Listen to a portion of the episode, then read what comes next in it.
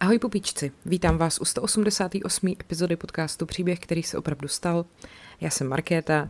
Eh, děkuji vám za tak hrozně moc, eh, to říkám jak Tatar, prostě za spoustu hezkých ohlasů na video s Petrem Pavlem, který jsem zveřejnila včera na Instagramu podcast Příběhy, když tak, jestli jste nevěděli, běžte se podívat. Petr Pavel vás tam velmi pěkně vyzývá, abyste šli k volbám, velmi řekněme, je to prostě hodně jako eh, namířený mým posluchačům, jo, nemůžete se splést, že by to bylo pro někoho jiného. Tak eh, samozřejmě, že prezidentské volby jsou téma číslo jedna asi teďka jako všude a můj podcast nebude výjimkou. Já teď vlastně jsem se věnovala v několika epizodách našim bývalým prezidentům, v tom chci jako samozřejmě pokračovat, ale teď uh, tu sérii uh, naředím epizodou o těch současných dvou kandidátech. Eh, je vám asi jasný, jaký jsou moje preference. Já jsem eh, tady už milionkrát komentovala chování Andreje Babiše, takže to si myslím, že není žádná novinka, ale přesto jsem se snažila přidávání dohromady toho textu, co vám, nebo prostě toho, co vám tady budu vykládat, aby to bylo vyvážený, jo, nebudu prostě tady pět ody na Petra Pavla a jenom házet špínu na Andreje Babiše. Prostě vám chci říct, jaký byly jejich životy do té doby, než eh, začali kandidovat na prezidenty a taky si dáme takový fact-checking toho, co eh, Andrej Babiš hlavně říká a co prostě není pravda. Jako musím říct, že jsem se fakt snažila vypátrat něco, co řekl Petr Pavel a není to pravda, ale teda byla jsem velmi jako neúspěšná. Eh, zkoušela jsem to i s pomocí různých webů, jako demagog.cz, hlídač státu, ale hele, tam není kde brát, jo. Ten člověk prostě, jak toho říká málo, tak když už mluví, tak si to rozmyslí, aby neměl nějaký kraviny. Takže to prostě bude vypadat, že to je jako jednostranný, ale hold, když toho říkáte hodně a velký procento z toho prostě jsou jako lži, bohapustý, tak to se nedá nic dělat. Každopádně, eh, pokud eh, si chcete potom odpočinout, tak můžete na mých platformách pro předplatitele, který jsou herohero.co lomeno podcast příběhy nebo piky.cz lomeno paní královna, si poslechnout epizody, které tam tenhle týden vyjdou a jedna z nich bude o osudu Tomáše Bati a jedna z nich bude o velkých pomstách historických, kterých se odehrály. To asi uh, bude taky takový nový seriálek, protože jsou zajímavý příběhy o tom, jak někdo někoho šel pomstít a riskoval u toho vlastní život a tak dále, a tak dále. Tak eh, ještě jednou teda děkuju za vaši přízeň, eh, chodíme spousta zpráv, moc si toho cením a eh, taky si moc cením toho, když mi napíšete, že třeba ten podcast vám nějakým způsobem pomáhá poslech, já nevím, při tom, když vám není dobře a podobně, to je pro mě úplně super, nikdy bych nevěřila, že můj hlas a projev může dělat takový dobro. Takže děkuju a už se na to vrháme, takže dnešní epizoda bude na téma naši prezidenti, Petr Pavel a Andrej Babiš a jejich příběh, který se opravdu stal.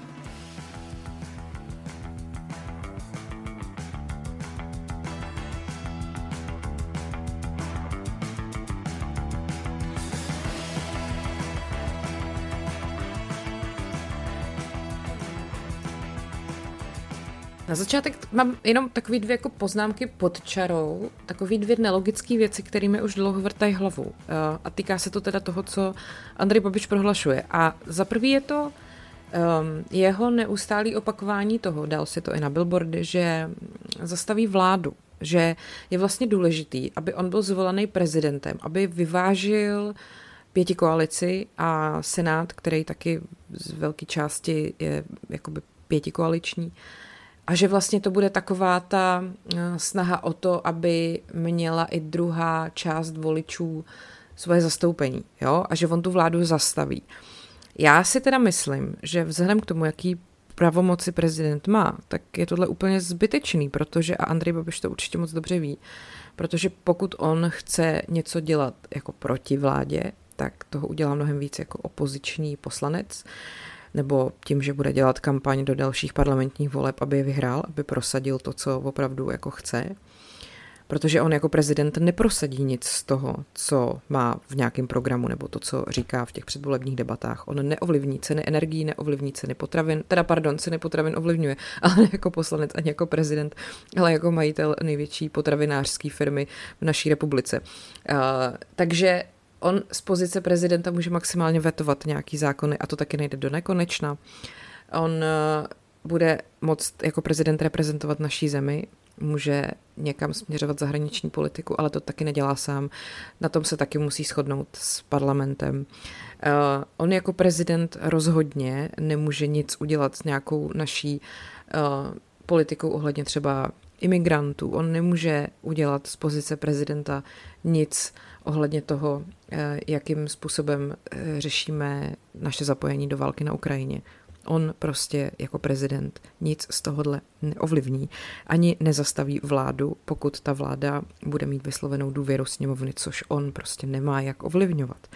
Takže to je jako číslo jedna, co nechápu. On naopak, pokud chce zastavit vládu, tak by se neměl stávat prezidentem. Jako to je úplně prostě v kontrapunktu toho, co teda on tvrdí, že chce udělat. Jo? Takže to je jedna věc. Pokud se on stane prezidentem, tak de facto jeho voliči už nemají žádný zastání, protože on nebude v parlamentu a ano, bez jeho vedení podle mě bude prostě nic, jako nic. Tak eh, to je číslo jedna. A číslo dva, eh, Andrej Babiš chce mír, to si myslím, že už dneska úplně každý, i člověk, co žil prostě 20 let v podzemním krytu, tak už se to k němu stačilo donést, že Andrej Babiš chce mír, on nechce válku, prosím vás, on nechce válku, nechce válku, chce mír, jo, jenom aby jsme jako věděli, kde jsme.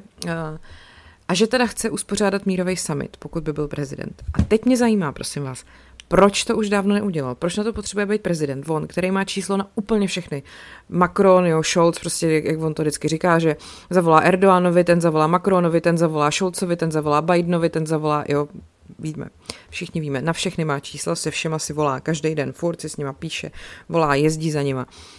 Proč potřebuje prezident na to, aby uspořádal mírový summit, když mu o ten mír tak strašně jde, když ten mír tak strašně potřebuje? Proč ten summit neuspořádal už třeba před půl rokem? Teď jsme měli předsednictví v Evropské unii, měl vynikající příležitost k tomu, aby něco takového udělal. Vykašlal se na to. Mně to přijde zvláštní. Člověk, který tak moc potřebuje mír, že to prostě opakuje 16 tisíckrát za hodinu, tak se přece měl trošku posnažit už dřív, ne? Uh, jako prezident bude úplně stejně známý v evropské politice, jako byl doteďka. Myslím si, že možná méně známý, protože doteď se proslavil velmi uh, svýma jinýma záležitostma. No, to byly takové dvě faktické poznámky, které jsem měla na začátek. Jo? Tak eh, a když jsme u Andreje Babiše, tak o ní rovnou zůstaneme. Pojďme se podívat na to, jak eh, to vypadalo s jeho rodinou. Jeho rodina eh, z otcovy strany pochází ze západního Slovenska. Rodina jeho matky přišla na Slovensko po druhé světové válce z podkarpatský Rusy. Jeho otec, inženýr Štefan Babiš, vystudoval vysokou školu ekonomickou v Bratislavě, dneska je to ekonomická univerzita. Většinu života pracoval jako vedoucí pracovník zahraničního mezinárodního obchodu. Na začátku 50. let vstoupil do komunistické strany Slovenska a byl jako s režimem velmi, řekněme, v pohodě.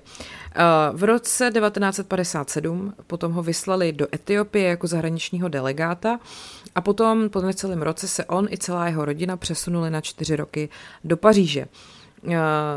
Potom vlastně v roce 62 ho z té komunistické strany vyloučili, on musel nějakou dobu pracovat mimo svůj obor.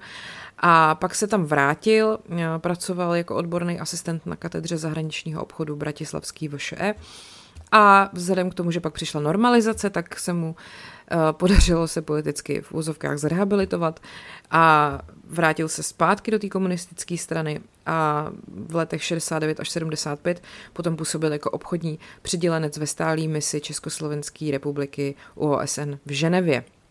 Pak se po návratu stal uh, ředitelem odštěpného závodu PZO Politechna v Bratislavě a tam potom zůstal až do důchodu. V 80. letech ho několikrát prověřovala uh, ekonomická rozvědka pro podezření z hospodářské kriminality uh, a potom před tím trestním stíháním ho vlastně uchránila prezidentská amnestie v květnu 1985. Andrej Babiš o svém otci opakovaně říkal, že to nikdy nebyl žádný komunistický prominent, že nikdy nezastával žádný vysoký funkce ve straně, no ale prostě působil ve funkcích, které potřebovali schválení z té komunistické strany. Jo. Uh, kritici vlastně Babiše poukazují na to, že Babiš prostě byl protekční dítě režimu a že to byl takový ten příslušník pri, tehdejší privilegovaný vrstvy. Jeho matka uh, Adriana Babišová, rozená Šajbnerová, Eh, taky vystudovala tu bratislavskou ekonomku a eh, vlastně pracovala jako tajemnice v různých vědeckých institucích. Potom po návratu z toho Švýcarska byla tajemnicí Ústavu marxismu, leninismu na Univerzitě Komenského v Bratislavě. Eh, Andrej Babiš má ještě o sedm let mladšího bratra, který se jmenuje Aleksandr Babiš. Um, Vzhledem právě k tomu, že Babišův otec eh, pracoval vlastně hodně v zahraničí, tak Babiš díky tomu už od útlýho věku eh, studoval v zahraničí od čtyři let nebo po čtyři roky v Paříži. A tam nastoupil potom taky do první třídy na základce. Po návratu do Československa eh, chodil do základky v Bratislavě a potom jeho matka ho v devíti letech nechala zapsat do tenisové školy. Eh, tam potom eh, sbíral míčky při turnajích a získával své první výdělky. Mm, pak taky hrál volejbal a tam potom nějak se prosadil víc na střední škole. Když se potom přesunuli do Švýcarska, tak začal chodit na gymnázium Koleš Russo. Ve volném čase zase hrál volejbal a dokonce se dostal do finále juniorské ligy. Eh, pak teda ale na tom gymnáziu vychodil jenom jeden ročník, protože eh, onemocněl takzvanou trombocytopení a byl kvůli tomu hospitalizovaný, což je mimochodem i důvod, proč potom eh, dostal modrou knížku a nešel na vojnu. Takže on vlastně si poležel skoro rok v nemocnici a během té doby se jako hodně učil francouzštinu. Potom, potom, když se vrátil do toho Československa, tak on bydlel u babičky v Bratislavě, eh, chodil na gymnázium, na uh, gymnázium Ladislava Novomeského, uh, tam zase bylo rozšířené vyučování cizích jazyků, opět bodoval ve volejbale, a tak uh, on vlastně, uh, když byl v té škole, tak chodil za školu a psal si omluvenky a napodoboval babičin podpis, což se mu potom docela hodilo i uh, v dospělosti, když potom vlastně podepsal uh, vy ty smlouvy za svého syna Andreje Babiše mladšího, což vlastně se řeklo i teďka u toho soudu, že tam sice vlastně jakoby zrušili to obvinění, ale to, že ten podpis Andreje Babiše mladšího není jeho, se jako prokázalo tím, že on prostě v té době vůbec nebyl na tom místě, kde by měl ty papíry podepsat. Takže jako zkušenost s falšováním podpisů měl Andrej Babiš již od útlého dětství. No, um, každopádně uh, hrozilo mu tehdy vyloučení ze školy. Bylo to tehdy hodně náročné, dostal jsem snad trojku schování, uh, říkal potom. Uh, pak se tam na tom Gimplu taky vlastně potkal se svojí budoucí manželkou Beatou Adamovičovou, ale ten vztah teda se mezi nima uh, rozvinul až později. Po maturitě ho pak přijeli na obchodní fakultu VŠE, eh, zase v Bratislavě a vlastně tam tu školu jakoby spolu zakládal jeho otec, jo. A Babiš teda eh, tuhle tu školu nějak moc neuznával, přišla mu velmi nenáročná, prej se tam nudil.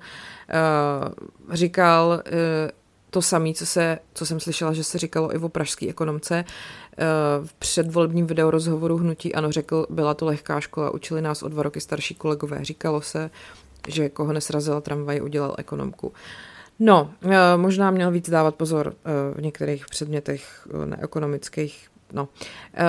Každopádně přestože to teda bylo tak strašně lehký, tak uh, některé předměty teda udělal až na několikátý pokus. No, uh, během toho studia se věnoval práci v Mezinárodní organizaci studentů IESEC a to pak i vedl na té pobočce už několik let.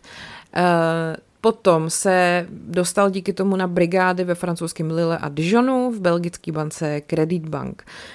Potom teda napsal diplomku, dokončil školu s červeným diplomem No a dá se říct, že jako ho začal hodně zajímat biznis. Uh, už to nebyl ten lehkovážný floutek jako na gymnáziu, ale ambiciozní svazák, který směřuje za svým cílem. Stát se podle otcova vzoru zahraničním delegátem, dostat se do ciziny a hodně vydělávat. Jo? Tak 1. listopadu 1978 potom nastoupil do podniku zahraničního obchodu Chemapol Bratislava. Ten se potom k 1. lednu 1980 přejmenoval na Petrimex. To byl takzvaný nomenklaturní podnik, což znamenalo, že byl pro tehdejší režim významný, protože právě ty vedoucí funkce řídilo i UVKSČ. Ehm, ten Petrimex byl významný právě díky tomu, že obchodoval se zahraničím a vlastně zaměstnanci jeho měli nadprůměrný příjmy a privilegia, což práce v zahraničí jako nepochybně v té době byla. A to bylo opravdu dostupné jenom těm prověřeným kádrům komunistickým. No a první týdny v tom Petrimexu prej pro Babiše byly rozčarováním a tak po měsíci dal výpověď ale eh, vedení se nad ním slitovalo a přiřadilo ho do skupiny, kde měl na starosti kontrolu dováženého čpavku, síry a dalších surovin. Pak ho teda přesunuli do 31. obchodní skupiny, která měla na starosti plasty a zpočátku taky pomocné gumárenské přípravky. No a tam potom začal velmi kariérně růst. Prošel funkcema samostatného referenta, vedoucího referátu a už na začátku 80. let dosáhnul na funkci zástupce ředitele té obchodní skupiny. Byl totiž velmi pilný a taky politicky angažovaný. Vedl základní organizaci SSM a v roce 1980 vstoupil do KSČ. Tak potom teda zase, když se podíváme dál, tak na podzim 85 byl vyslaný do marockého hlavního města Rabatu, aby se teda stal československým obchodním delegátem. Zastupoval tam víc než desítku podniků zahraničního obchodu, nakupoval marocký fosfáty, sjednával kontrakty na prodej z československého zboží. Uh, takže podle jednoho z tehdejších kolegů se Babiš v Maroku choval mimořádně profesionálně a nekomunisticky. Jako západní diplomat mluvil perfektně francouzsky, dobře se oblékal. No, je fakt, že tomu asi pomohlo, eh, když studoval jako, nebo jako dítě byl v těch zahraničních školách, že to prostě asi člověk potom má úplně jiný uh, světonázor, ne světonázor, spíš jako máte trošku jiný, jiný pohled na věci a máte trochu odstup a je to asi jiný, než když vyrůstáte tady v té šedivý totalitě a podívali jste se maximálně jako za svůj život třeba na druhý konec republiky. No, eh, samozřejmě, že v Maroku měl Babiš mnohem vyšší příjem než v Československu, navíc jako v cizí měně, že jo.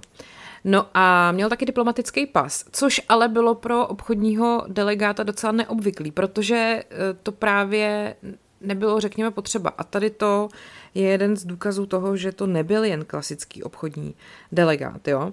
Eh, samozřejmě, že si tam vybudoval i spoustu obchodních známostí, vlastně domů do Československa se nechtěl vrátit ani rok po sametové revoluci.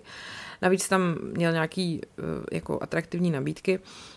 No ale jeho takový ochránce, který se jmenoval Anton Rakický, se po revoluci stal ředitelem Petrimexu a tak se na Babiše obrátil a nabídnul mu funkci ředitele mm, skupiny, kterou sám kdysi vedl. A tak Babiš souhlasil a v roce 91 se přestěhovali zpátky s rodinou do Bratislavy. Teď se pojďme podívat na to, jak to bylo uh, s Babišovým členstvím, nebo respektive se spoluprací v STB, jo? S STB.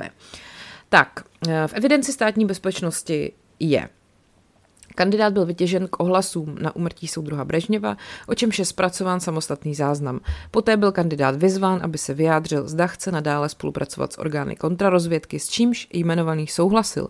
Po vyjádření souhlasu bylo jmenovanému oznámeno, že splňuje předpoklady kladené na spolupracovníka československé kontrarozvědky a byl mu předložen k podpisu písemný závazek, který byl zakamuflovaný v propagační brožuře. Kandidát závazek po přečtení podepsal bez dalších otázek a souhlasil, aby bylo i nadále používáno kryt krycí jméno Bureš. Tohle je zpráva o STB o získání ke spolupráci z 11.11.1982. Podle zveřejněných dokumentů, který právě pocházejí z archivu Slovenského ústavu paměti národa, byl Babiš od 12. listopadu 1980 evidovaný jako důvěrník státní bezpečnosti pod číslem 25085.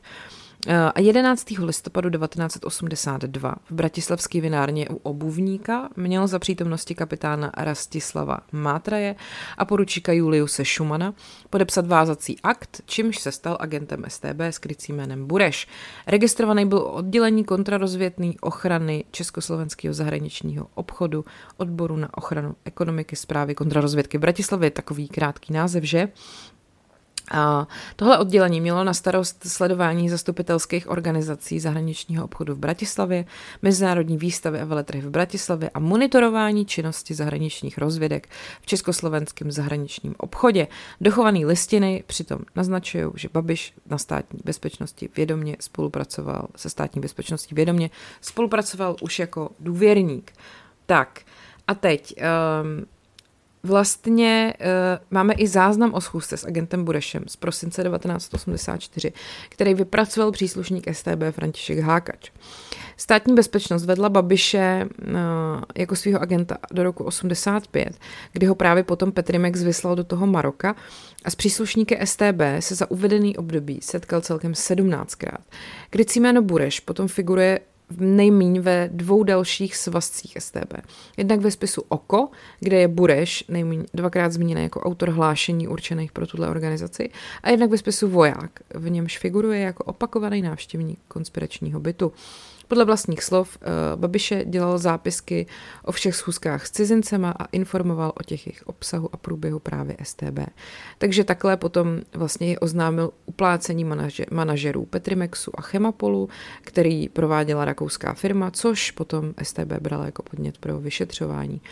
Chránil tak ekonomický zájmy vlastně toho komunistického režimu, ale on vlastně takhle ne, neudával třeba dizidenty pro jejich činnost, jo, nebo tak prostě dělal vyloženě tady v této, řekněme, obchodní rovině. Uh, tak, eh, podle mluvčího Agrofertu Karla Hanzelky ale bylo důvodem zkuzek to, že Babiš odmítal dovážet nebezpečný fosfáty ze Sýrie. Sám Babiš samozřejmě jakoukoliv eh, spolupráci se s STB opakovaně popřel a popírá.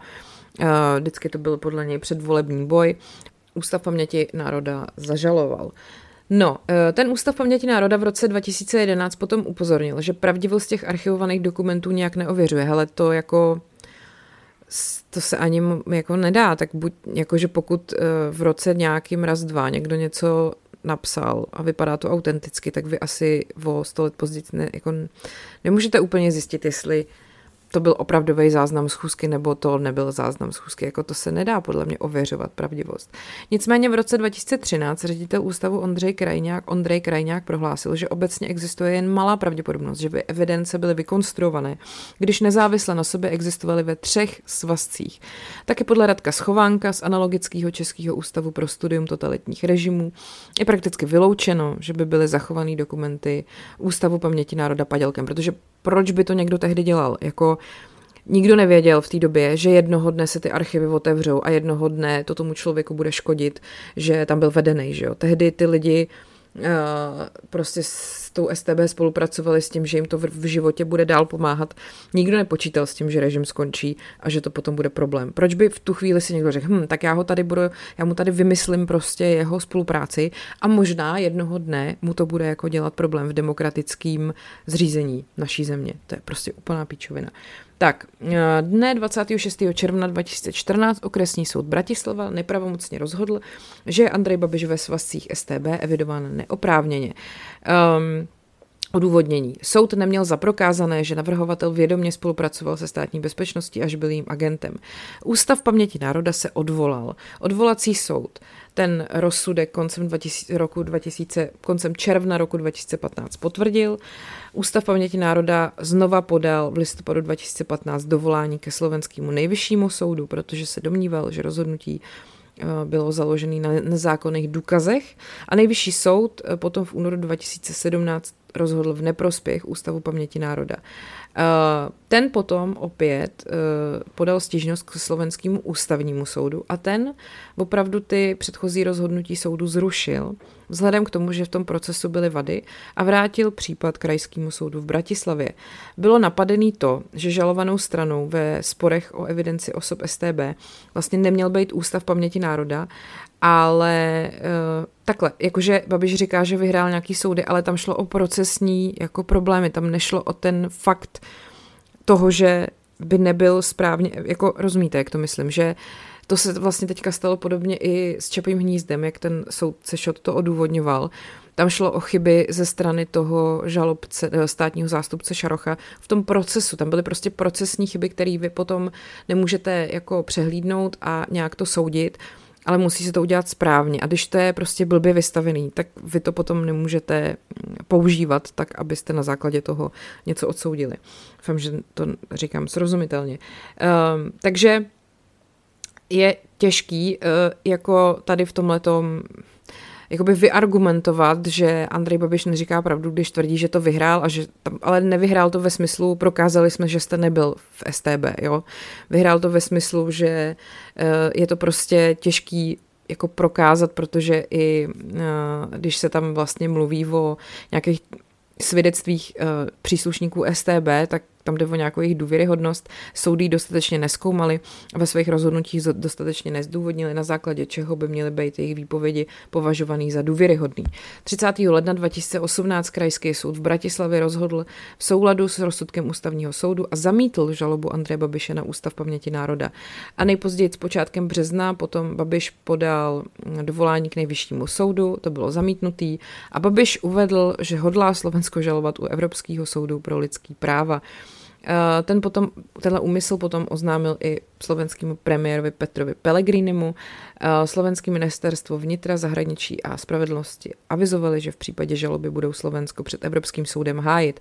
Babiš potom opravdu 14. června 2018 podal k soudu stížnost na Slovenskou republiku. Eh, soud potom ale 20. listopadu 2018 rozhodl o nepřijatelnosti této stížnosti. No, tak Andrej Babiš potom zažaloval o milion eur slovenský deník Nový čas a bývalého příslušníka Československé státní bezpečnosti Jána Sarkociho, protože ten Nový čas zveřejnil rozhovor s tím Sarkocim On Babiše označil za vědomýho spolupracovníka STB a měl tak podle Babiše o něm vytvářet úmyslně nepravdivý obraz vypočítavého, nečestného člověka. A vydavatel se omluvit odmítnul a poukázal na to, že Babiš neprokázal, že byl evidovaný u STB neoprávněně. Eh, a Babiš potom tu žalobu proti tomu Sarkocimu i deníku stáhnul. Jo? Eh, potom koncem listopadu 2019 slovenský ústavní soud vyhověl částečně Babišově stížnosti, zrušil rozsudky nižších soudů a vrátil věc opět k projednání krajskému soudu v Bratislavě s tím, že soudy se stále nevypořádaly s otázkou, kdo vlastně má být ta žalovaná strana v tom sporu, protože jakoby ústav paměti, pro paměť národ nebo paměti národ, to je vlastně blbost, to je jenom jako místo, kde se ty věci jako schromažďují. Proč ho máte žalovat za to, že to tam má, jako to je úplně absurdní. No a e, podle ústavního soudu, teda verdikty nižších soudů, porušili Babišovo právo na soudní ochranu i právo na spravedlivý soud podle úmluvy o ochraně lidských práv. Soud naopak odmítnul část stížnosti, kde si Babiš stěžoval, že byly porušeny jeho práva na zachování lidské důstojnosti, osobnictví, dobrý pověsti, ochranu jména a tak dále. 14. června 2022 Senát Krajského soudu v Bratislavě v obnoveném líčení zamítl žalobu Babiše proti uh, Ústavu pro paměť národa a na údajně neoprávněnou evidenci jako agenta STB. Soud svůj verdikt v souladu s předchozím rozhodnutím odůvodnil tím, že případnou žalovanou stranou neměl být Ústav paměti národa, nýbrž ministerstvo vnitra. A vůči tomuhle už se nejde odvolat, je možný využít nějaký mimořádný opravný prostředek. A Babiš samozřejmě řekl, že v tomhle chce dál pokračovat, takže, takže tak. No, uh, pojďme dál. Uh, já si myslím, že tady jako tohle je třeba takový pěkný překrucování, kde on říká, že třikrát vyhrál soud a zní to jako, že se teda, jako kdyby nějaký soud opravdu řekl, ano, Andrej Babiš nebyl vědomým spolupracovníkem STB, ale to se prostě nestalo. Takhle to neleží, jo, ta věc. Jsou to nějaký soudy, ale tam jsou vyloženě jako procesní věci, tam je spíš otázka, koho žalovat a, a podobně, takže tohle je důležitá věc. Eh, co se týká teda, pojďme se podívat na Babišův osobní život. Eh, on vlastně má za manželku Moniku Babišovou. Eh, předtím ale teda od 70. let byla Babišovou manželkou spolužačka z gymnázia a později lékařka Beata Rozená Adamovičová. Mají spolu dceru Adrianu a syna Andreje. Eh, manžel Adriany Martin Bobek pracuje ve společnostech Agrofertu. Syn Andrej pracoval jako dopravní pilot.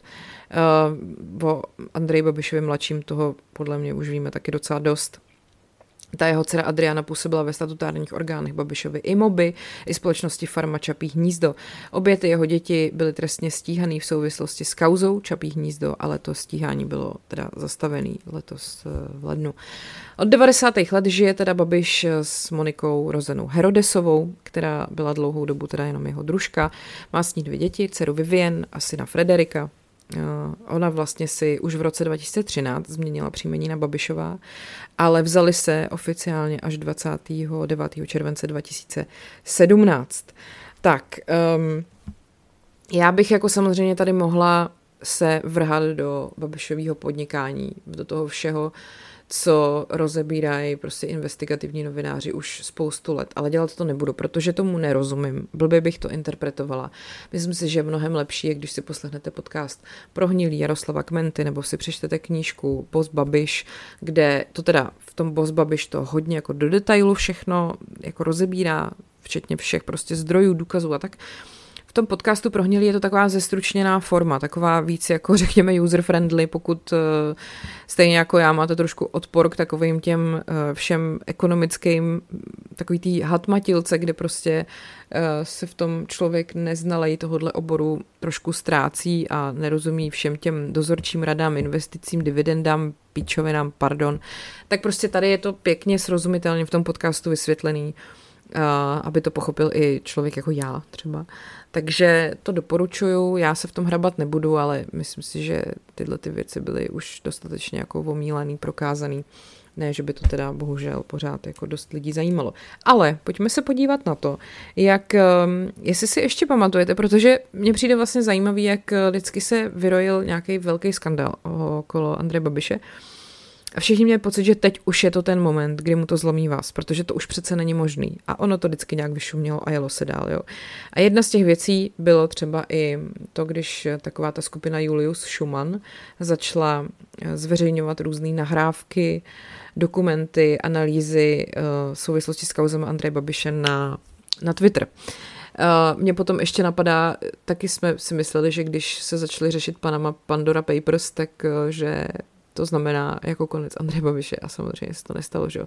Mimochodem, když jsme u Pandora Papers, tak to se vyšetřuje. Jo? Teď jsem poslouchala podcast uh, Respektu, kde se o tom mluvilo to, že Andrej Babiš říká, že ho nikdo nikam nepředvolává, nikdo ho nevyslýchá, vůbec neznamená, že ho francouzská prokuratura nevyšetřuje. Ona ho vyšetřuje a jednoho dne to dovyšetří a dojde se k nějakému závěru. Jo? Takže to je další manipulace, kterou on říká, protože prostě on je vyšetřovaný ve Francii eh, kvůli podezření z praní špinavých peněz, kvůli tomu, že přes nějaký offshoreové firmy eh, si koupil zámek eh, v Mužán, Chateau Bigot, nebo jak se to jmenuje. A podobně. Takže není pravda, že to byla předvolební kampaň jeho odpůrců a že ho nikdo nevyšetřuje. Není to fakt. Každopádně Julius Schumann um, vlastně tu identitu té skupiny, nebo takhle, Julius Schumann se to jmenuje proto, že tak se jmenoval plukovník, se kterým Babiš tehdy podepisoval uh, to zavázání se ke spolupráci se STB, jo, to je takový jakože vtípeček. Uh, tu identitu té skupiny se pokoušeli, pokoušeli zjistit to novináři Janek Kroupa, Jiří Kubík, Sabina Slonková, Jaroslav Spurný. Uh, řešila to prej i policie, i nějaký jiný český tajný služby a samozřejmě, že Babiš v roce 2017 na toho provozovatele toho účtu podal trestní oznámení. Uh, tak, uh, pojďme se podívat uh, na, takhle, na, na to, kdo za tím anonymním účtem stojí, existuje víc názorů. Sám Babiš spekuloval, že by to mohly být právě ty novináři jako Slonková a Kubík, nebo dokonce Milan Chovanec, bývalý ministr, nebo nějaký jeho jiný politický oponenti. Spekulovalo se taky o Ivanu Langrovi. Mm, Jaroslav Spurný uved, že už ví tu identitu zakladatele Juliuse Schumana nebo skupiny Schumann, ale vlastně to potom se zkomplikovalo. Nejdřív se to mělo zveřejňovat před volbama, v roce 2017, což se teda nestalo. A potom v květnu 2018 Slonková s Kubíkem vypátrali, že Twitterový účet skupina Schumann založil hacker Jan Zástřešek, který ale uh, teda říkal, že ho na, najímali v minulosti nějaký zahraniční klienti a podobně. Uh, a to vlastně by jako souhlasilo i s tím, co tvrdil Andrej Babiš, ale zástřešek pak tvrdil, že nad účtem ztratil kontrolu asi na půl roku, právě v době, kdy tam začaly být zveřejňované nahrávky hovorů mezi Andrejem Babišem a Markem Přibylem, což byl tehdejší novinář Mladý fronty dnes. Takže je to celý nějaký úplně zvláštní. Marek Přibyl prej v říjnu 2017 koupil ten účet za desítky tisíc korun. Uh, specialista na odposlechy a bývalý policejní důstojník Stanislav Hájek mu s tím prej měl pomoct, s těma penězma za, ty, za ten účet. Uh, Zástřešek ale tvrdí, že mu ten účet uh, nechal zdarma. Je to prostě bizar. Uh, taky fungoval náhradní účet s adresou skupina Schumann, kde byly taky zveřejňované dokumenty proti Babišovi. Uh, podle uh, Jaroslava Spodného už Schumann nejspíš, nebo teda ten účet už nikdy neožije, protože po volbách už jako nebyl důvod. Každopádně, ať už to vlastní kdokoliv, tak uh, ty nahrávky, které se tam zveřejňovaly, nebylo o nich jakoby známý, vlastně kde a kdy vznikly. Babiš samozřejmě označuje za nelegální odposlechy, provokaci novináře, který na nich mluví a vlastně považoval to za nějakou cílenou likvidaci své osoby. Uh, obvinil z toho odposlechu dokonce i tajnou službu a ministerstvo vnitra. Ty odposlechy uh, tam byly vlastně na téma, myslím si, že ten nejznámější je o tom, jak on domluval s redaktorem Mladý fronty dnes Markem Přibylem články proti ministrovi Milanu Chovancovi, kdy vlastně tam je slyšet, jak není pravda, co Babiš celou dobu tvrdí, že i když vlastní média, tak do jejich obsahu nějak nekecá. To prostě není pravda a není to jenom tady ten případ, ale je to spousta jiných případů. V podstatě, když se budete bavit s člověkem, který pracoval v Mafře, tak vám to prostě ty lidi jako vždycky potvrdí. No, um, ten Babiš uh, dostal vlastně dokonce od uh, přibyla živej policejní spis a chtěl očernit ČSSD před jejich sjezdem. Uh, Babiš taky na tom odposlechu třeba tvrdil, že dal peníze ODS. Uh, mluvil taky o tom, jakým způsobem tlačí na firmu, která překáží Agrofertu a podobně. Takže nic moc dobrýho. To byla velká kauza, vypadalo to, že se něco bude dít, ale vlastně se ve finále nakonec nic nestalo, všechno to opět vyšumělo do prázdna.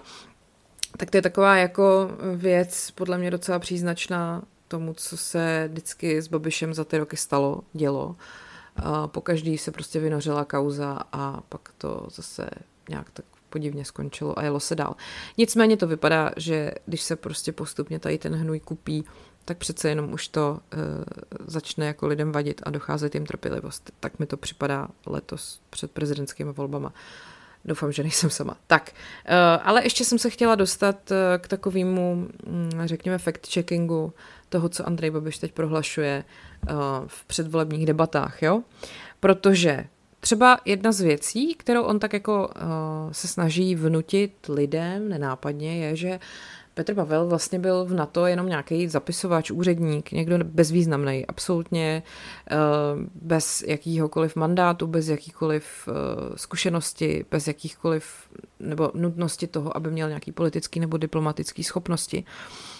A není to pravda. Jedna z věcí, kterou on tam třeba xkrát tvrdil eh, v debatách, myslím, že to říkal na Nově, že vlastně eh, Petr Pavel byl mm, nějakým způsobem dosazený na tu funkci, ve který byl, protože se tam vlastně rotuje. Jo? Všechny členské země na to rotují a mají nárok na tu pozici toho předsedy vojenského výboru na to. Jo? Takhle on to říkal, že se tam rotuje a že prostě uh, to, že tam Pavel seděl, je jenom díky tomu, že ho tam prostě dosadili, protože zrovna jsme byli na řadě. Prosím vás, není to pravda. Princip rotace předsednictví byl ve vojenském výboru na to zrušený v 60. letech minulého století. V současnosti volí Severoatlantická aliance předsedu výboru z přihlášených kandidátů.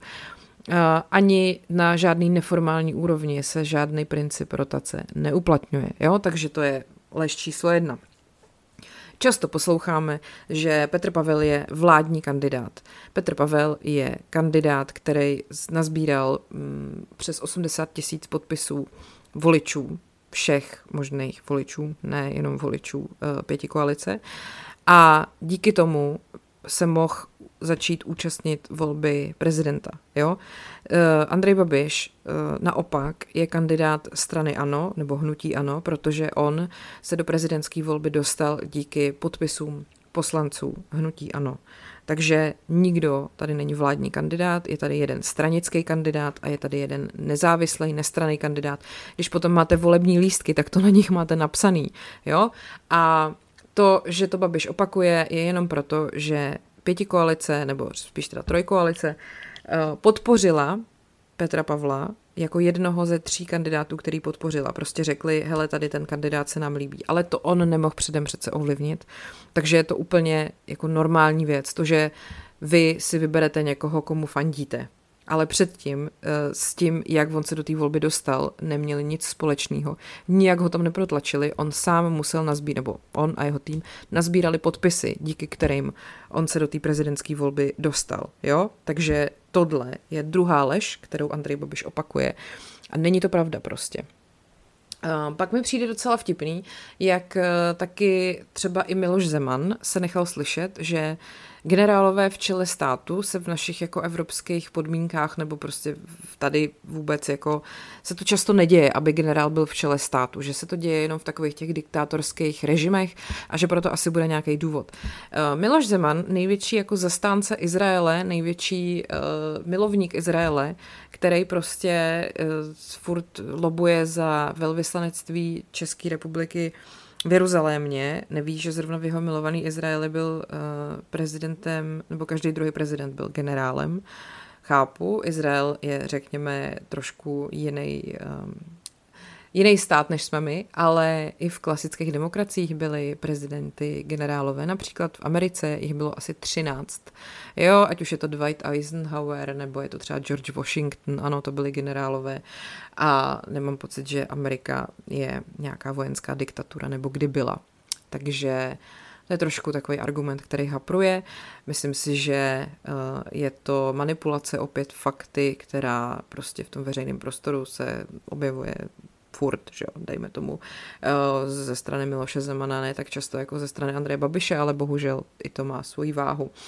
Tak, eh, potom tady máme eh, takový ty keci o tom, že Petr Pavel nemá žádnou politickou zkušenost a že se chlubí s tím, že uh, má fotku s uh, vlastně náčelníkem generálního štábu Ruska Valeriem Gerasimovem. Tak prosím vás, za prvý to nejdřív bylo tak, že Andrej Babiš vyzval Petra Pavla k tomu, aby mu ukázali, jestli se vůbec s někým uh, z nějakých vrcholných představitelů Evropy nebo světa jako zná, protože Babiš se zná ze všima, víte to, že ho volá si s Macronem a tak dále. No a Petr Pavel teda zveřejnil video, kde byl sestřih na fotografii jeho různých státníků, ať už to byl třeba i Donald Trump, nebo to byl právě Valery Gerasimov. Uh, takhle. Ta fotka s tím Gerasimovem, kterou teďka Babiš manipuluje, jakože uh, Pavel se kamarádí uh, s tady tímhletím prostě šéfem těch odporných hajzlů, který prostě devastují Ukrajinu. Ta vznikla během toho, kdy byl Pavel předseda vojenského výboru NATO. A samozřejmě, že jednal taky s jedním ze strujců letošní ruské invaze na Ukrajinu, protože Uh, pojďme se říct, jak to ten, kde, tehdy probíhalo. To bylo před ruskou uh, anexí Krymu, ještě když Rusko a NATO docela blízce spolupracovali. Uh, ruská delegace při NATO měla dokonce přes 50 lidí a partnerství bylo podle Petra Pavla velice otevřený, jako ze strany NATO. Ale Rusko to nakonec využilo jenom k tomu, že se začalo vlastně připravovat na úplně jiný druh vztahu a otevřenost ze strany NATO zneužilo. Uh, po anexi Krymu samozřejmě došlo k ochlazení vztahů a všichni se jakoby byli velmi nepřátelsky naladění k tomu, aby se ty vztahy s tím Ruskem nějak obnovovaly, protože Rusko je agresor a tak dále. To takhle, takhle to řekl Petr Pavel v rozhovoru pro CNN Prima News.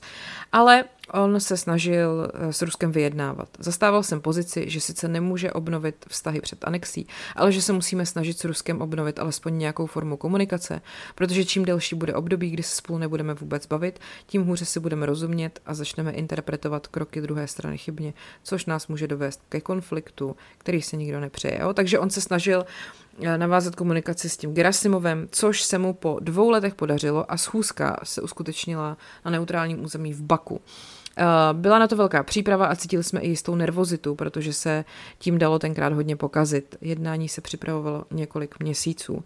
Jo, a americký poradce tehdy prej Pavla varoval, že to má velký potenciál k tomu, že to bude průšvih, protože Gerasimov je těžký protivník, špatně se s ním jedná. Sedli si uh, k jednomu stolu a Petr Pavel udělal krok, který byl trochu šokující pro obě delegace. Oba jsme měli samozřejmě složky s připraveným materiálem, na kterém se v NATO pracovalo dlouho dopředu a každé slovíčko bylo vyladěné. Stejně byl připravený i materiál ruské strany. Já jsem ale dobře věděl, co je v jeho složkách a on zase, co je v mých. Narativ o výkladu anexe Krymu a požadavků jsme dobře znali s obou stran. Když Gerasimov přečetl první stránku ze svého materiálu, řekl jsem mu, ať mi odpustí, ale že bychom se takhle nikam nedostali. Přečteme si navzájem stanoviska a skončíme u toho, že si vůbec nerozumíme a odejdeme z jednání bez jakéhokoliv výsledku. Řekl jsem mu, ať tyhle připravené připravené argumenty necháme politikům a diplomatům a my se budeme věnovat otázkám vojenským, protože jsou v naší gesci a dokážeme v nich dosáhnout pokroku. No a tak to jednání pak probíhalo v úplně jiném duchu. Řekl jsem mu, pojďme se bavit o cvičeních, jejich velikosti a četnosti, o nové výzbroji, která znepokojuje obě strany, o přítomnosti vojáků na hranici dotyku, o provokacích ve vzdušném prostoru, na mořích či na zemi. No a Gerasimov to pochopil a šel do toho. Takže to jednání nejdřív vypadalo nepřátelsky, skončilo tím, že se bavili věcně, v nějakých, dejme tomu, mantinelech. Bo, bohužel to jednání pak selhalo na politicko-diplomatické straně. Takže uh, minimálně ale ten pokus podle mě byl důležitý a teď to samozřejmě Andrej Babiš in, interpretuje jako, že se to teda Pavlovi nepovedlo. Uh, Andrej Babiš, velký mírotvorce, uh, neudělal pro mír nikdy nic, než to, že teda vyhlašoval, že uspořádá mírový summit, jo? tak uh, myslím si, že tohle je taky důležitý upřesnit. Uh, pak tady máme velký téma, Andrej Babiš je proti válce, on nechce válku, to si myslím, že už jsme teda všichni slyšeli hodněkrát.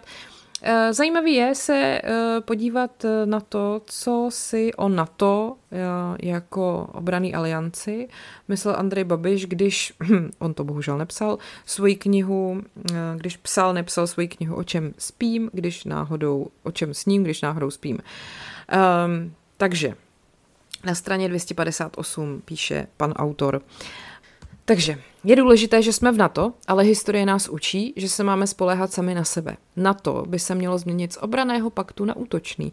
Evropští členové by měli v rámci aliance uzavřít dohodu, která bude hájit evropské zájmy. Podle mého názoru by mělo být NATO aktivní při migrační krizi, kdy mělo útočit proti pašerákům lidí ve středozemním moři a potápět prázdné lodě. Mohlo se zabránit tomu, aby se ve středozemním moři utopili desetitisíce lidí. Měli bychom hrát aktivní roli při realizaci těchto návrhů. Takže na to by se mělo stát útočným paktem. Jo, říkal Andrej Babiš v roce 2017, teď už se to nehodí, tak samozřejmě chce mír a na to vůbec by nejradši zrušil, protože on, on taky v jedné debatě říkal, že vlastně nechápe, proč tady máme NATO a proč tady máme Evropskou radu. Uh, teď je to vlastně to samé, přitom asi mu nedochází, třeba v NATO je Amerika, která asi v Evropě spíš není, že? No. Uh, Uh, myslím si, že ještě by taky nemělo zapadnout, že v únoru, když uh, Amerika, teda když Rusko zautočilo na Ukrajinu, tak Babiš řekl, bohužel musíme zbrojit, není to naše vina, ale musíme reagovat na to, co dělá Rusko. Naším úkolem je přesvědčit naše partnerky, naše manželky, matky, aby se nebáli. Ta neomluvitelná agrese Ruska na Ukrajině je absolutně nepřijatelná. Takže ještě v únoru přemlouval naše partnerky a matky, aby se nebáli, tak dneska je na billboardech straší, že bude válka. Podle mě výborný. Tak, uh, myslím si, že ještě taky by nemělo zapadnout, že uh, vlastně pár měsíců před vydáním té Babišovy knihy právě to byla ta, ta doba, kdy Petr Pavel telefonoval uh, s Valeriem Gerasimovem, aby se snížilo napětí mezi těma stranama. A byl to vlastně vůbec první kontakt představitele aliance s Ruskem od té nezákonné ruské anexe Krymu. Uh, co se týká reformy armády, tak eh, Babiš se zasnil taky ve své knize. Klíčová je a bude armáda a té chybí lidi. Má asi 23 tisíc vojáků z povolání, k tomu máme asi 1500 lidí v aktivních zálohách. Um, generál Jiří Šedivý, který českou armádu vedl, doporučuje jiná čísla. Uh, naše mírová armáda by měla mít o 10 tisíc vojáků z povolání aktivních záložníků a dobrovolníků víc, aby byla akceschopná venku, říkal nebo psal Andrej Babiš v roce 2017, takže co to znamená? Znamená to, že bych chtěl prostě mnohem víc lidí v armádě. To je zvláštní. Eh, myslím si, že taky eh, třeba pěkný splněný bod eh, vlastně Babišovy vlády je tenhle ten. Budeme pokračovat v rekrutační politice minulých let, kdy se zvyšuje počet vojáků z povolání z 21 tisíc na 24 tisíc. Cílem je dosáhnout nejpozději do roku 2025 minimálně 30 tisíc vojáků z povolání, doplnění a dozbrojení dvou stávajících brigád a návazně, návazně budování dalších jednotek. Takže ano, Andrej Babiš se ještě předtím choval docela racionálně, chápal, že armádu je třeba posilovat vzhledem k tomu, co se v Evropě děje, protože ruská anexe Krymu byl takovej, bohužel první uh, výstražný, nebo spíš už velmi ne první, ale prostě výstražný uh, signál toho, že se stane něco horšího. No ale tohle bylo logický, že jo, posilovat tu armádu a najednou prostě ne, ne, ne, nechcem válku. A tak um, já doufám, že asi nemusím vysvětlovat, že to, aby nebyla válka, eh, nerozhoduje voják, generál, jak se teďka omílá furt dokola, že o válkách rozhodují politici, války si vyhlašují mezi sebou představitelé těch států, ne vojáci, ty potom jdou do té války bojovat za ten svůj národ. Jo, to si myslím, že asi každý rozumný člověk chápe. Takže to, že nás generál zatáhne do války, je prostě blbost už z tohohle principu. Samozřejmě i kvůli tomu, že z pozice prezidenta nemůže nikdo nikoho zatahovat do války ani vyhlašovat jen tak mobilizaci, posílat kohokoliv eh, na vojnu, do zákopu a podobně. Tak to prostě není, tak to nefunguje, tak se to nedá dělat. Já si myslím, že jak eh, se teďka furt omílá to, že někdo chce mír a někdo chce válku a že uh, generál říká, že mír, trvalý mír je iluze, tak podle mě je dobrá třeba taková analogie s nemocí, jo. Hele, nikdo nechce být nemocný, jo, nikdo. Ale prostě nemoci i tak existují. To je samý jako války. Nikdo nechce válku, ale i tak prostě války existují. To je prostě daný fakt a s tím se musíme jako lidi smířit, protože války tady byly od jak živa. Kdo poslouchá můj podcast, tak to moc dobře ví. Kdo někdy byl prostě na dějepisu ve škole, tak to moc dobře ví. Války jsou něco, na čem lidstvo staví svoji historii. Jo? Historie lidstva je v podstatě historie válek. To je to, co nás posunuje dál. Je to smutný, ale je to tak. Dokonce i to, že války jsou, uh, nějakým způsobem vždycky dá impuls k tomu, že se třeba v průmyslu uh, objeví nějaké nové technologie, které do té doby nebyly. Za druhý světové války třeba vznikla mikrovlnka. Jo, prostě děje se to, takhle to je. Neříkám, že je to správně, neschvaluju to, nelíbí se mi to, ale takhle prostě svět funguje. A to, že tady nebyla válka od druhé světové války, není pravda. Válka v Jugoslávii byla ničivá. Myslím si, že to, že Andrej Babiš je schopný tohle říct, urazilo spoustu lidí uh, z bývalé Jugoslávie, který třeba u nás žijou a těch není málo, něco o tom vím. Um, přijde mi absurdní, že člověk, který kandiduje na prezidenta republiky, nemá základní znalosti z dějepisu a netuší, jak prostě, co se tady dělo uh, během uh, studené války a tak. Každopádně, to, že chceme mír, je jasná danost. Otázka je, jak se ten mír dá udržet. A ta cesta je několikrát. A ve chvíli, kdy je země, která není od nás fakt daleko, ohrožená, jakože tam umírají lidi, tak je jasný, že my, aby jsme si ten mír ubránili, tak musíme mít dost zbraní, musíme mít dost vojáků, musíme být připravený na nejhorší. To neznamená, že chceme válčit, to znamená, že nebudeme překvapení, kdyby se náhodou něco stalo. Je to to samé, jako když se snažíte nebejt nemocný, taky děláte preventivní opatření, takže třeba berete vitamíny nebo sportujete, nebo třeba nechodíte s mokrou hlavou venku, když je minus 10. To neznamená, že onemocníte v každém případě. To znamená, že snižujete riziko toho, abyste neonemocnili.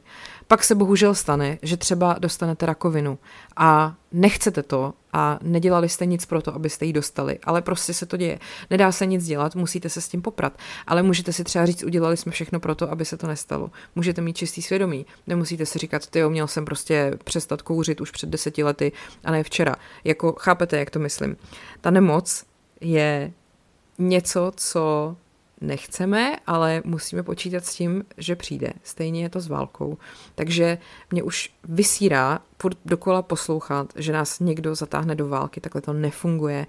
A to, že Andrej Babiš tohle dokola opakuje, jenom děsí starý lidi, děsí malí děti. Mně přišlo tolik zpráv o tom, jak děti třeba ve školce uh, brečí, nebo se bojí, nebo prostě učitelky jim vysvětlují, že to tak není. A to si nevymýšlím, mám ty screenshoty uložený. Uh, tohle prostě je to nejodpornější dno, který jsem ani nevěděla, že ho lze dosáhnout.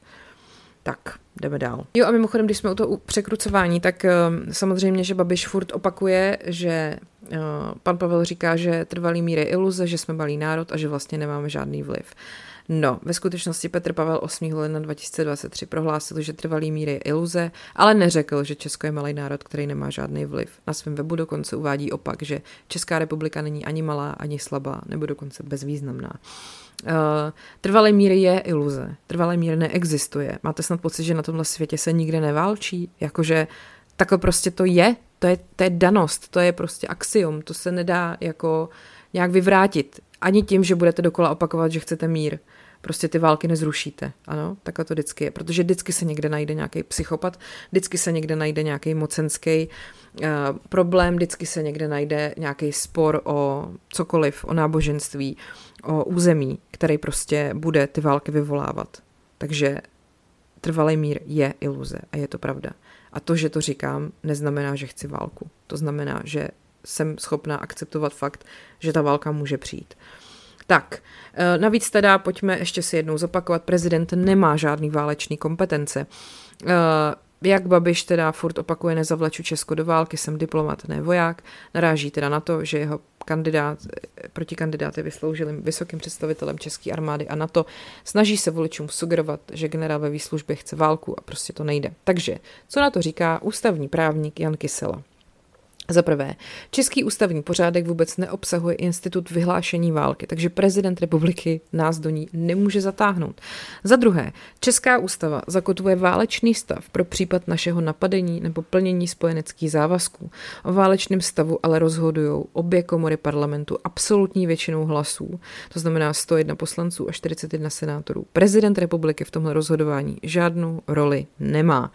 Česká ústava taky upravuje možnost vysílat naše ozbrojené ozbrojené síly do zahraničí nebo přijímat cizí ozbrojené síly na našem území. Rozhodování o tom ale opět přísluší oběma komorám parlamentu, čili například i straně Andreje Babiše, Jo? Ne, vůbec nijak to prostě uh, nemá co dělat s kompetencemi Petra Pavla, na rozdíl od Andreje Babiše, který už teď z pozice poslance může hlasovat o tom, jestli budeme do zahraničí posílat ozbrojený síly nebo ne. A předtím jako předseda vlády plnil prostě závazky naše v NATO a měli v programovém prohlášení, že navýší počet uh, vlastně vojáků v naší armádě. Jo? Takže to je ten faktický vliv, kdo který měl.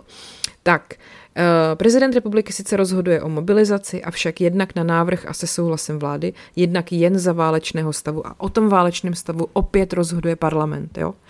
Velitelem armády ČR je náčelník generálního štábu. Toho jmenuje prezident republiky a odvolává opět na návrh vlády. Prezident republiky armádu neřídí, má vliv pouze na hradní stráž, ale i tu řídí náčelník vojenský kanceláře prezidenta republiky. Objem finančních prostředků na provoz a vyzbrojování ozbrojených sil určuje zákon o státním rozpočtu a ten opět připravuje vláda a schvaluje sněmovna. Prezident republiky ho může vetovat, ale i to je spíš neobvyklý. Prezident republiky jmenuje a povyšuje generály, schvaluje základní vojenský řády nebo propůjčuje vojenským útvarům prapory, jo, což je teda potom vlastně úplně jedno, jestli je válečník nebo mírotvůrce. Schrnutí. Náš ústavní pořádek ani právní řád jako takový nesvěřují prezidentu republiky žádné kompetence, jimž by mohl zatáhnout Českou republiku do války, i když by si to nakrásně přál. Takže takhle, ústavní právník, jo? člověk, který se tím tím zabývá celý život. Naše demokracie je postavená na zákonech, který prostě platí a všichni dodržují. Kdyby to tak nebylo, tak už tu demokracii nemáme. Ale vzhledem k tomu, že ty instituce mají nějaký pravidla, který dodržují, tak ten náš systém funguje a funguje dobře. A už je to 30 let ověřený. I když prostě tady byly největší ohrožení té demokracie, což mimochodem Andrej Babiš je, tak to ten systém a ta ústava vždycky ošetří. Ten systém to ustojí, ty instituce to ustojí neexistuje, že by někdo přišel a řekl, vyhlašuju válku a vyjděte prostě do zákopu. Takhle to prostě u nás nefunguje. Ano, pokud tomu nevěříte, tak si to dohledejte někde vlastně kdekoliv. Můžete si to dohledat úplně kdekoliv. Nepotřebujete věřit billboardům nebo si číst pamflety ve schránce. Stačí jít na internet a tam si googlit tyhle ty jednotlivé uh, věci. Můžete si vygooglit ústavu, můžete si vygooglit pravomoci prezidenta, můžete si vygooglit to, jaký pravomoci má parlament, můžete si vygooglit to, uh, co Petr Pavel dělal, když byl uh, tím nejvyšším představitelem vojenským NATO a jaká byla jeho práce.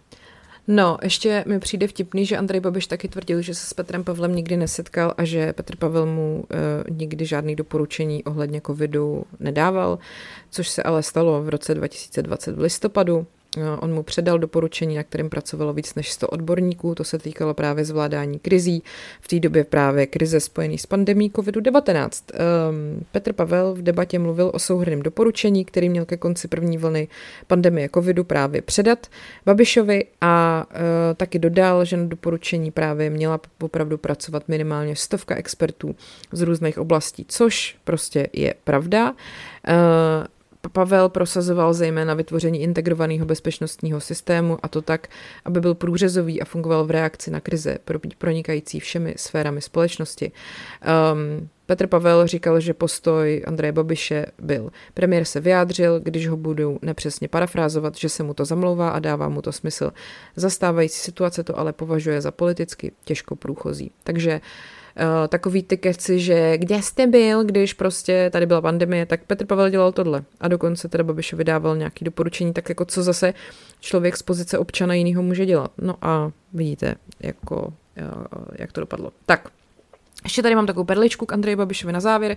Možná jste si všimli, uh, takový průpovídky Romové volí Babiše, takový narrativ se docela šíří mediálním prostředím uh, na základě volebních dat ze sociálně vyloučených lokalit, uh, protože třeba Babiš byl na nějaký akci, kde, um, jako, kterou pořádali Romové, tak tam s nimi zatancoval a ty vlastně data třeba z mosteckého sídliště Chánov uh, a ústeckých předlic jako říkají, že prostě Babiš tam má většinovou podporu.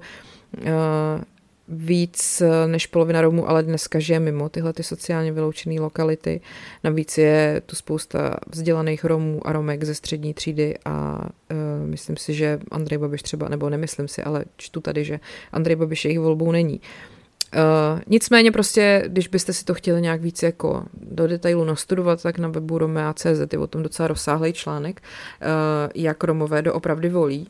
A to, že Romové volí Babiše, je prostě zase takový manipulativní výrok, který není úplně pravda.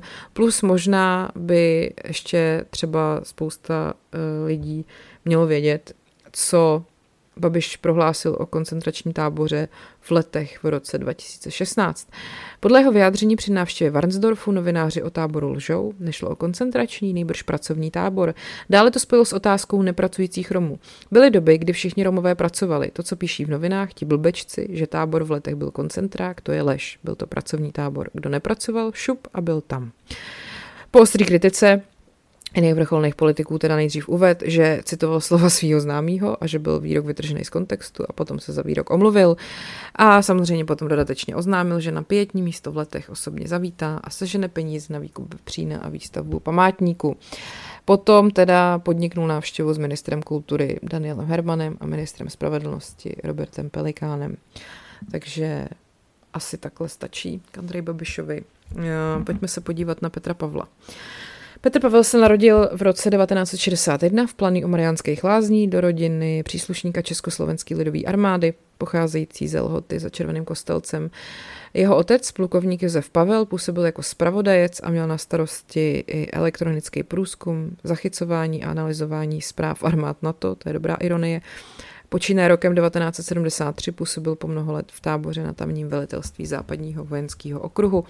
Jako uh, vidíte, že takový to pozadí, ne pozadí, takový to prostředí, ve kterém, do kterého se Babiš s Pavlem narodili, je podobný v tom, že prostě oni se oba narodili do komunistických rodin, kde ty rodiče byli velmi jako konformní s tím režimem. A dovedu si představit, že jak u jednoho, tak u druhého, pokud vyrůstáte v tom letom, kdy vám říkají, že tohle je správně, tak nemáte moc jako možnost získat nějaký kritický náhled na tu situaci, která tady je. Tím to neomlouvám, jenom konstatuju. Ještě mě k tomu napadá, eh, mě trošku občas zarazí takový to černobílý vidění eh, toho, kdy eh, se něco dělo před rokem 89 a něco po roce 89. Jak kdyby tam byla tlustá čára ve smyslu všichni zlí, v listopadu 89 skončili a od roku 90 tady už byli jako všichni hodní, ale takhle to prostě nefungovalo. Podívejte se třeba na seriál Bezvědomí z HBO, anebo na Rédla, české televize. Tam je to podle mě hezky vidět, takový to, jak vy jste pracovali uh, jako SNBáci před 89. no tak jste od roku 90 klidně mohli být policajti. Jo, tam takhle to prostě nebylo, že všichni, všichni skončili a našli se úplně noví lidi, čistý, nepopsaný papíry, který jako do té doby, nevím, asi někde seděli ve sklepě a čekali. Prostě takhle to nebylo. Samozřejmě existoval potom lustrační zákon, který vlastně jakoby zakazoval uh, lidem, kteří zastávali opravdu vysoké funkce v té straně, být v nějaký vysoké funkci jakoby v té nový, řekněme, politice, ale furt tam byla velk, velké množství lidí, na který se ten lustrační zákon nevztahoval a ty lidi mohli prostě normálně fungovat dál a dělo se to. Ty lidi prostě spousta z nich jenom jakoby v úvozovkách převlíkli kabát a jeli dál, prostě z, z nadšených svazáků se stali prostě nadšený kapitalisti, jako.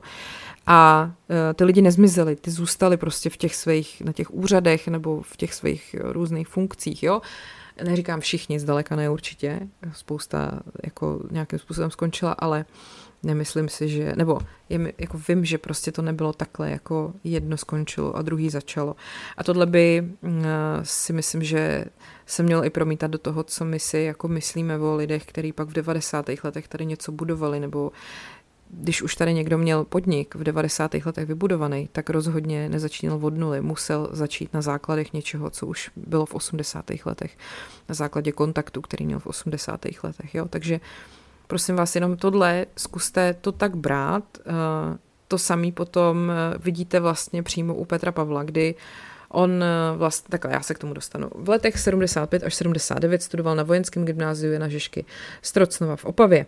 Pak studoval v letech 79 až 83 na Vysoké vojenské škole pozemního vojska ve Vyškově a pak v letech 88 až 91 se vzdělával v postgraduálním kurzu organizovaným 20 šestý oddělení zpravodajské zprávy generálního štábu pro pracovníky vojenské rozvědky pro práci v zahraničí a speciální úkoly. S krycím jménem Pávek a v prvním ročníku pod krytím Vojenské akademie Antonína Zápotockého v Brně.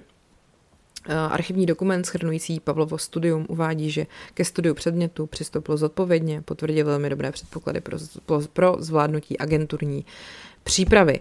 No, ale chci tím říct, že On na tom kurzu byl mezi lety 88 až 91, jo. Taky vidíte, že s rokem 89 se ten kurz nezrušil a nezačal se studovat nějaký nový. Prostě se to jako, ono to pokračovalo akorát v novém režimu, jo, že to je přesně podle mě typický příklad toho, jak to fungovalo i všude jinde. To prostě není tak, já už jsem to opakoval, už to nebudu opakovat, ale rozumíte, co tím chci říct, že uh, to není ani obhajoba Petra Pavla, ani nějaká jeho, jako nějaký jeho hanobení, prostě ty věci byly takhle. Takže dovedu si představit, že v roce 88 do toho kurzu nastupoval a kdyby tady nebyla sametová revoluce, tak by zřejmě dneska možná dělal něco úplně jiného. Ale vzhledem k tomu, že ta sametová revoluce byla, tak eh, se potom jeho kariéra ubírala jiným směrem. A já si myslím, že nebo takhle, já už jsem sama říkala už v nějakém podcastu dřív, že uh, já chci u prezidenta takový ten vyšší morální princip, ale teď už nemáme takového kandidáta před sebou. Jo? Máme tady na výběr dva. A pokud uh, bych si měla vybrat uh, mezi člověkem, který vlastně v budování svého podniku v 90. letech se dál spolehal na struktury STB, což je dokázaný, že vlastně Andrejov Babišovi nejbližší spolupracovníci jako Libor Široký, který už teda je zesnul na začátku roku 2022, um, ehm, to byl vlastně člověk, který fungoval uh, jako agent STB, tak potom třeba i Alexej Bílek, další um, vlastně člen nebo spolupracovník z STB, Eh, ten eh, tam je vlastně do dneška a spravuje svěřenecký fondy Agrofertu. Jo? Takže eh, si myslím, že je důležitý rozlišovat mezi tím, že někdo celou svou firmu postavil na kontaktech z této doby, dokonce i s lidma, který té STB aktivně působili, například Radmila Kleslová, která vyloženě byla jako rozvědčík, jo? když už se mluví o Pavlovi jako rozvědčíku, tak třeba Radmila Kleslová, která kandidovala za ANO, teď znovu tak je jako rozvědčík jako doslova. Jo? To si přečtěte v jejím životopisu. Tak s takovýhlema lidma Andrej Babiš vybudoval uh, svoji firmu jo? a z takovýchhle lidí pak dělá svoje spolustraníky. Takovýhle člověk versus člověk, který ano, byl v komunistické straně, ano, byl v spravodajském kurzu. Bůh ví, co by se stalo nebejt převratu, ale ten člověk po převratu začal budovat úplně jinou kariéru. Takže já neříkám, že to je skvělý, neříkám, že to je ideální. Já doufám v to, co jsem si poslechla v podcastu Čekání na prezidenta, že možná tohle je ten náš způsob vyrovnání se s tou komunistickou minulostí, že budeme mít v čele státu někoho, kdo v té komunistické straně byl, kdo toho lituje, kdo se za to omluvil a kdo pak tu kariéru napřel jiným směrem. Že možná tohle je ten způsob, jak se s tím definitivně vyrovnat. Nevím, možná. Uh, přijde mi to docela logický, protože my prostě dokud ty lidi v úzovkách nevymřou, tak tady mezi námi budou a my uh, je nemůžeme všechny zavřít do sklepa. Takže možná, že tohle je způsob, jak i třeba lidem, kteří doteďka se o to nezajímali, vysvětlit, jak ten komunismus byl zhoubný právě i v tom, jak to zasahovalo do životů lidí a jak to vlastně ovlivňuje jejich životy i dál, i když už tady ten režim prostě dávno není. Tak, vrátím se zpátky k eh, Petru Pavlovi. Uh, on po sametové revoluci, takhle, uh, těch spekulací o jeho rozvědčickém kurzu si na, najdete jako tisíce. Faktem je to, co jsem vám řekla, to všechno ostatní jsou spíš spekulace. On rád říká, že se od září 88 v tom kurzu věnoval francouzštině, a že vlastně to nebyl žádný jako spravodajský výcvik, ale ono šlo o součást spravodajského kurzu. Eh, potom vlastně tu další spravodajskou přípravu začal už v září 89, což ještě stále bylo za minulýho režimu. Jo. Ehm, on teda takhle reaguje, reagoval na otázku, která se týkala jeho studia ve spravodajském kurzu. Na to, jak podle dostupných informací tenhle kurz probíhá, se teda jdu trošku ještě o tom rozpovídat, to jsem našla na serveru demagog.cz. Podle dokumentu z archivu bezpečnostních složek, který Petr Pavel zveřejnil na svém webu, se během postgraduálního studia věnoval studijnímu oboru velitelsko-štábnímu spravodajskému zkráceně teda spravodajský kurz. Jehož studenti spadali pod spravodajskou zprávu generálního štábu armády. Tahle zpráva byla pověřená organizací a zabezpečováním vojenského výzvědného spravodajství, takže plnila roli vojenské rozvědky v komunistickém Československu. Spadali pod ministerstvo národní obrany, zatímco vojenská kontrarozvědka byla v gesci tehdejšího ministerstva vnitra. Uh, takže a tady tato vojenská kontrarozvědka uh, měla za úkol odhalovat aktivity nejen vnějších nepřátel a západních spravodajců, ale taky případy velezrady, teroru, zběhnutí a podobně.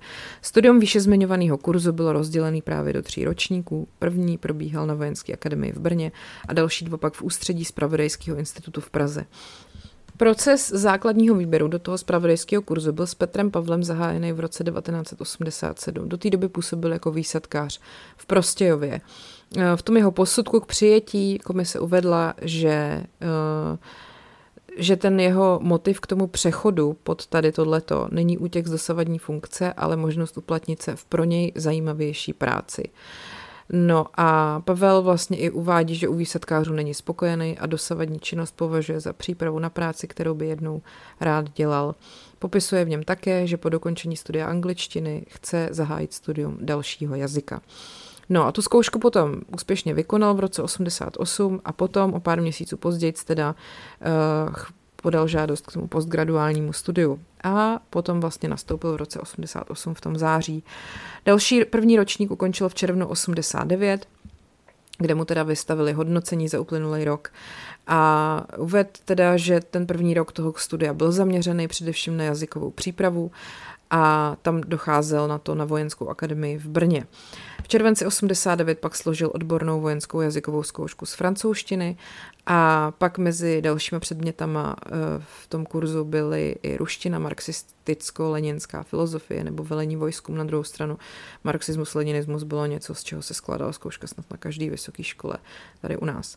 Třetí semestr začal v září 89, což bylo teda ještě před změnou režimu, se pak věnoval přípravě studentů na práci zpravodajců, ale i dalším možným zaměřením budoucích absolventů. No, eh, v hodnocení teda, eh, který mu vystavili v únoru 90, bylo při praktických cvičeních, potvrdil adaptabilnost, dokázal vhodným způsobem využívat legend při plnění cílů i při vytěžování informátorů a schopnost úsporně, ale reálně a logicky vybírat a získávat podstatné údaje. Takže tolik k tomu, jo, aby prostě to bylo pěkně vyvážený, je důležité tohleto říct, je důležité říct tohleto A, ale je důležité říct i to B. Po sametové revoluci získal zahraniční vzdělání studijníma pobytama na Defense Intelligence College v Bethesdě, na Staff College v Camberley, na Royal College of Defense Studies v Londýně a nakonec vystudoval magisterský obor mezinárodní vztahy na King's College London. Tak, uh, potom teda uh, po dokončení uh, studií nastoupil na generální štáb armády České republiky a v 90. letech působil v armádní spravodajské službě vojenským spravodajství. Byl asistentem generál poručíka Radovana Procházky, což byl politický vězeň komunistického režimu. Um, potom taky spolupracoval s tehdejším ministrem obrany a někdejším dizidentem Lubošem Dobrovským, což je tatínek Eh, Jana Dobrovského, který má podcast s Jindřichem Šídlo a který taky dlouhodobě Petra Pavla eh, podporuje. Tak, eh, potom účastnil se mírový mise UNPROFOR v Jugoslávii, kde se v lednu 93 jeho jednotka při dobrovolné operaci vlastně pomohla zachránit přes 50 odříznutých francouzských vojáků z váleční zóny mezi Srbama a Chorvatama. On za tuto misi obdržel nejvyšší francouzský vojenský vyznamenání a nakonec za nevšední odvahu i nejvyšší státní vyznamenání řád čestný legie. A prezident Václav Havel mu potom udělil medaily za hrdinství. V letech 2002 až 2007 potom byl velitelem specializovaných sil, zástupcem velitele společných sil a zástupcem ředitele sekce ministerstva obrany. Pak další funkce, další funkce, jo, tohle jako je takový podle mě ne úplně záživný, rozhodně, ale pořád řekněme stoupal na tady tom kariérním žebříčku. Eh, v roce 2003 eh, působil jako zástupce ve velitelství operace Trvalá svoboda v Tampě. V letech 2007 až 2009 byl zástupcem vojenského představitele České republiky při Evropské unii v Bruselu. Tak, tohle mi ještě přijde zajímavý. Eh, vlastně 1. července 2012 vystřídal ve funkci gener- náčelníka generálního štábu Vlastimila Picka. Jmenoval ho tam tehdy Václav Klaus a Petr Pavel se tak stal prvním náčelníkem generálního štábu, který si prošel vojenským nasazením v zahraniční misi.